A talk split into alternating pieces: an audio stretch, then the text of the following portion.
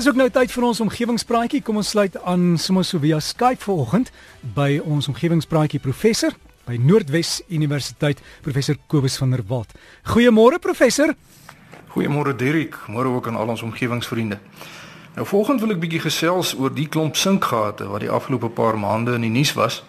En ek het in hierdie verband 'n brief ontvang van meneer Willem van Heerden wat sê hy het gekyk na die fotos wat op Facebook geplaas was van die groot sinkgat tussen Danielskuil en Kroeman wat so 'n paar weke gelede ingeval het. En hy sê sy neef het hom 'n paar jaar gelede na 'n plaas toe in daardie omgewing geneem. En daar wys hy hom toe 'n windpomp waarvan die pyp wat in die grond ingaan slegs 3 meter diep was. En hy sê dit het hom dadelik laat vermoed dat daardie hele gebied op 'n ondergrondse meer geleë moet wees en dat die water wat by die Kuruman oog uitloop dalk van daardie ondergrondse meer af moet kom. Maar ek wonder of iemand al ooit regtig probeer vasstel het waar die Kuruman oog se water vandaan kom en of daar dan nou regtig 'n reuse ondergrondse meer is.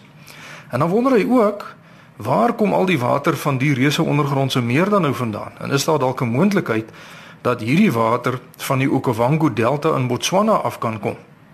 Want hy sê die delta se water loop dan nou van die noorde af in die Kalahari in en dan verdwyn dit elke jaar eenvoudig weer net in die grond in. En nou wonder hy as mens nou dalk 'n klomp kleurstof in die delta by die punt waar die Okavango se water nou wegsak kan ingooi en dan kyk jy of die oog by Kuruman nou nie 'n ruk later van kleur verander nie. En as dit dan nou wel so is, dan sal mens mos nou weet dat die Okavango se water nou ondergronds na Kuruman toe gevloei het en by die oog uitgeloop het. Hy sê hy weet nie of sy teorie reg is nie, maar dit maak vir hom nogal bietjie sin. Nou ja, baie dankie meneer Willem van Heerden vir die vraag. En die Okavango is inderdaad 'n baie interessante landskapskenmerk, want as ons eerstens nou kyk na waar al die water van die Okavango self vandaan kom, dan kan mens duidelik sien dat die water wat van die hooglande van Angola af suidwaarts vloei, duisende jaar gelede aanvanklik eers met die Kunene rivier weswaarts gevloei het na die Atlantiese Oseaan toe. So hierdie water het aanvanklik nie na die delta toe gevloei nie. Die Kunene was dus baie jare gelede heelwat groter as wat hy vandag is. Maar 'n baie interessante geomorfologiese proses het toe daar plaasgevind en dit is hier naby Katima Mulilo wat dit gebeur het. En hierdie proses word stroomroof genoem. En die naam sê presies wat daar gebeur het. 'n Ander kleiner rivier en dis nou die Okavango rivier het destyds van Katima se wêreld af in 'n suidelike rigting in die Kalahari ingevloei. En met verloop van tyd het hierdie klein Okavango riviertjie deur erosie in sy boelope sy eie stroomkanaal in 'n noordelike rigting verleng sodat hy naderhand die Kunene gekruis het en al die water wat aanvanklik dan nou saam met die Kunene see toe geloop het, het toe in die Okavango rivier begin afloop, die Kalahari in en toe mettertyd die morasse gevorm wat ons vandag dan nou ken as die Okavango Delta.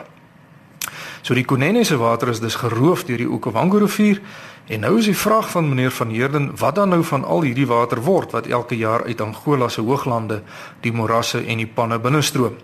En of hierdie water nou nie dalk in die grond indreineer en dan later weer by Kuruman te voorskyn kom nie. Nou die antwoord daarop is is negatief want die Okavango Delta se waterbalans is al baie fyn nagevors en die feite is duidelik.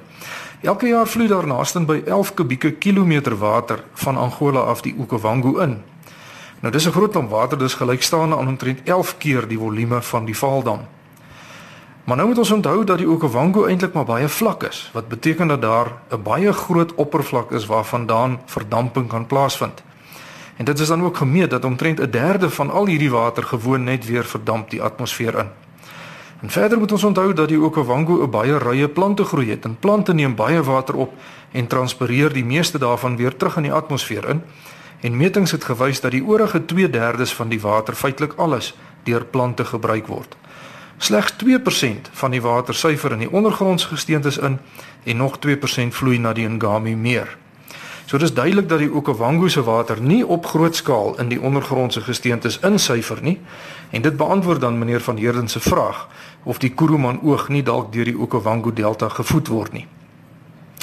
Nou is die ander vraag waar kom die water van die Kuruman oog dan vandaan? Want daar vloei elke dag 30 miljoen liter water uit daardie oog uit. So wat voed dan nou die oog? En die antwoord daarop is geleë in die tipe gesteentes waarop Kuruman geleë is. En die gesteente se naam is dolomiet. Nou dolomiet is hoofsaaklik kalsium magnesium karbonaat En 'n karbonaat het die eienskap dat hy in water kan oplos, veral as die water effens suur is. So wat nou gebeur is dat daar reënwater in die krakies en in die nate van gesteentes insyfer en oor eeue heen dan word hierdie krakies al hoe groter gemaak deurdat die gesteentes oplos sodat daar mettertyd onder die grond groot tonnels en selfs mere kan ontstaan. Net so terloops, dis presies hoe die Sterkfontein grotte wat daar by die wieg van die mensdom naby Kreeusdorp is gevorm het. Tonnels is in dolomietgesteentes oopgespoel deur water en later van tyd het die watervlakte bietjie gesak met die gevolg dat ons vandag in daardie tonnels en in die grotte kan rondklouter. Nou presies dieselfde soort grotte en tonnels kom ook in Kuruman se wêreld voor en ook op baie ander plekke in ons land waar daar dolomiet is en as mense nou daarin belangstel kan jy maar bloot op die internet gaan kyk na 'n kaart van die dolomietgebiede van Suid-Afrika. Dan sal u kan sien waar dan nou oral van hierdie dolomietgesteentes voorkom. Nou hierdie eienskap van dolomiet dat daar baie oplossingskanale en gate onder die grond kan wees wat reuse volumes water kan huisves, maak dolomiet ook gevaarlik want die dakke van hierdie kanale en grotte kan mettertyd so dun raak dat dit instort en dit is wat ons dan 'n sinkgat noem. So om op te som, die oog van Kuruman word deur dolomietwater gevoed wat aanvanklik van reënval afkomstig is en dan weer by die Kuruman oog onder die grond uitkom. En die sinkgat tussen Kuruman en Danielskuil is een van hierdie oplossingskanale in die dolomietgesteentes waarvan die dak oor baie jare so dun geword het dat hy eenvoudig meegegee het toe dit baie gereën het so 'n paar weke gelede. En daarmee moet ek groet vir oggend. Baie dankie aan meneer Willem van Heerden vir die brief en my e-posadres is kobus.vanderwalt@nwu.ac.za of u kan maar net soek na omgewingspraatjies se Facebook bladsy. 'n Heerlike Saterdag vir almal en vriendelike groete tot 'n volgende keer. Baie dankie aan professor Kobus van der Walt daar van Noordwes Universiteit. Mens wil kontak maak. E-posadres is kobus kobus.vanderwalt@nwu nwu.ac.za. Kobus.vanderwalt by nwu.ac.za. Maar miskien makliker op Facebook. Ons het 'n groep daar gestig met die naam van Omgewingspraatjies, die meervoud. Gaan nou net daarvan of drukkie like knoppie, sluit aan en dan kan jy daar inligting kry. En ek sien ook hier het 'n boodskap van Andrei van 'n man se mtoutie gekom het sê die wondergat by Mlopo se water loop ook na die fontein by Koerman. Dankie vir daai ene, Andrei.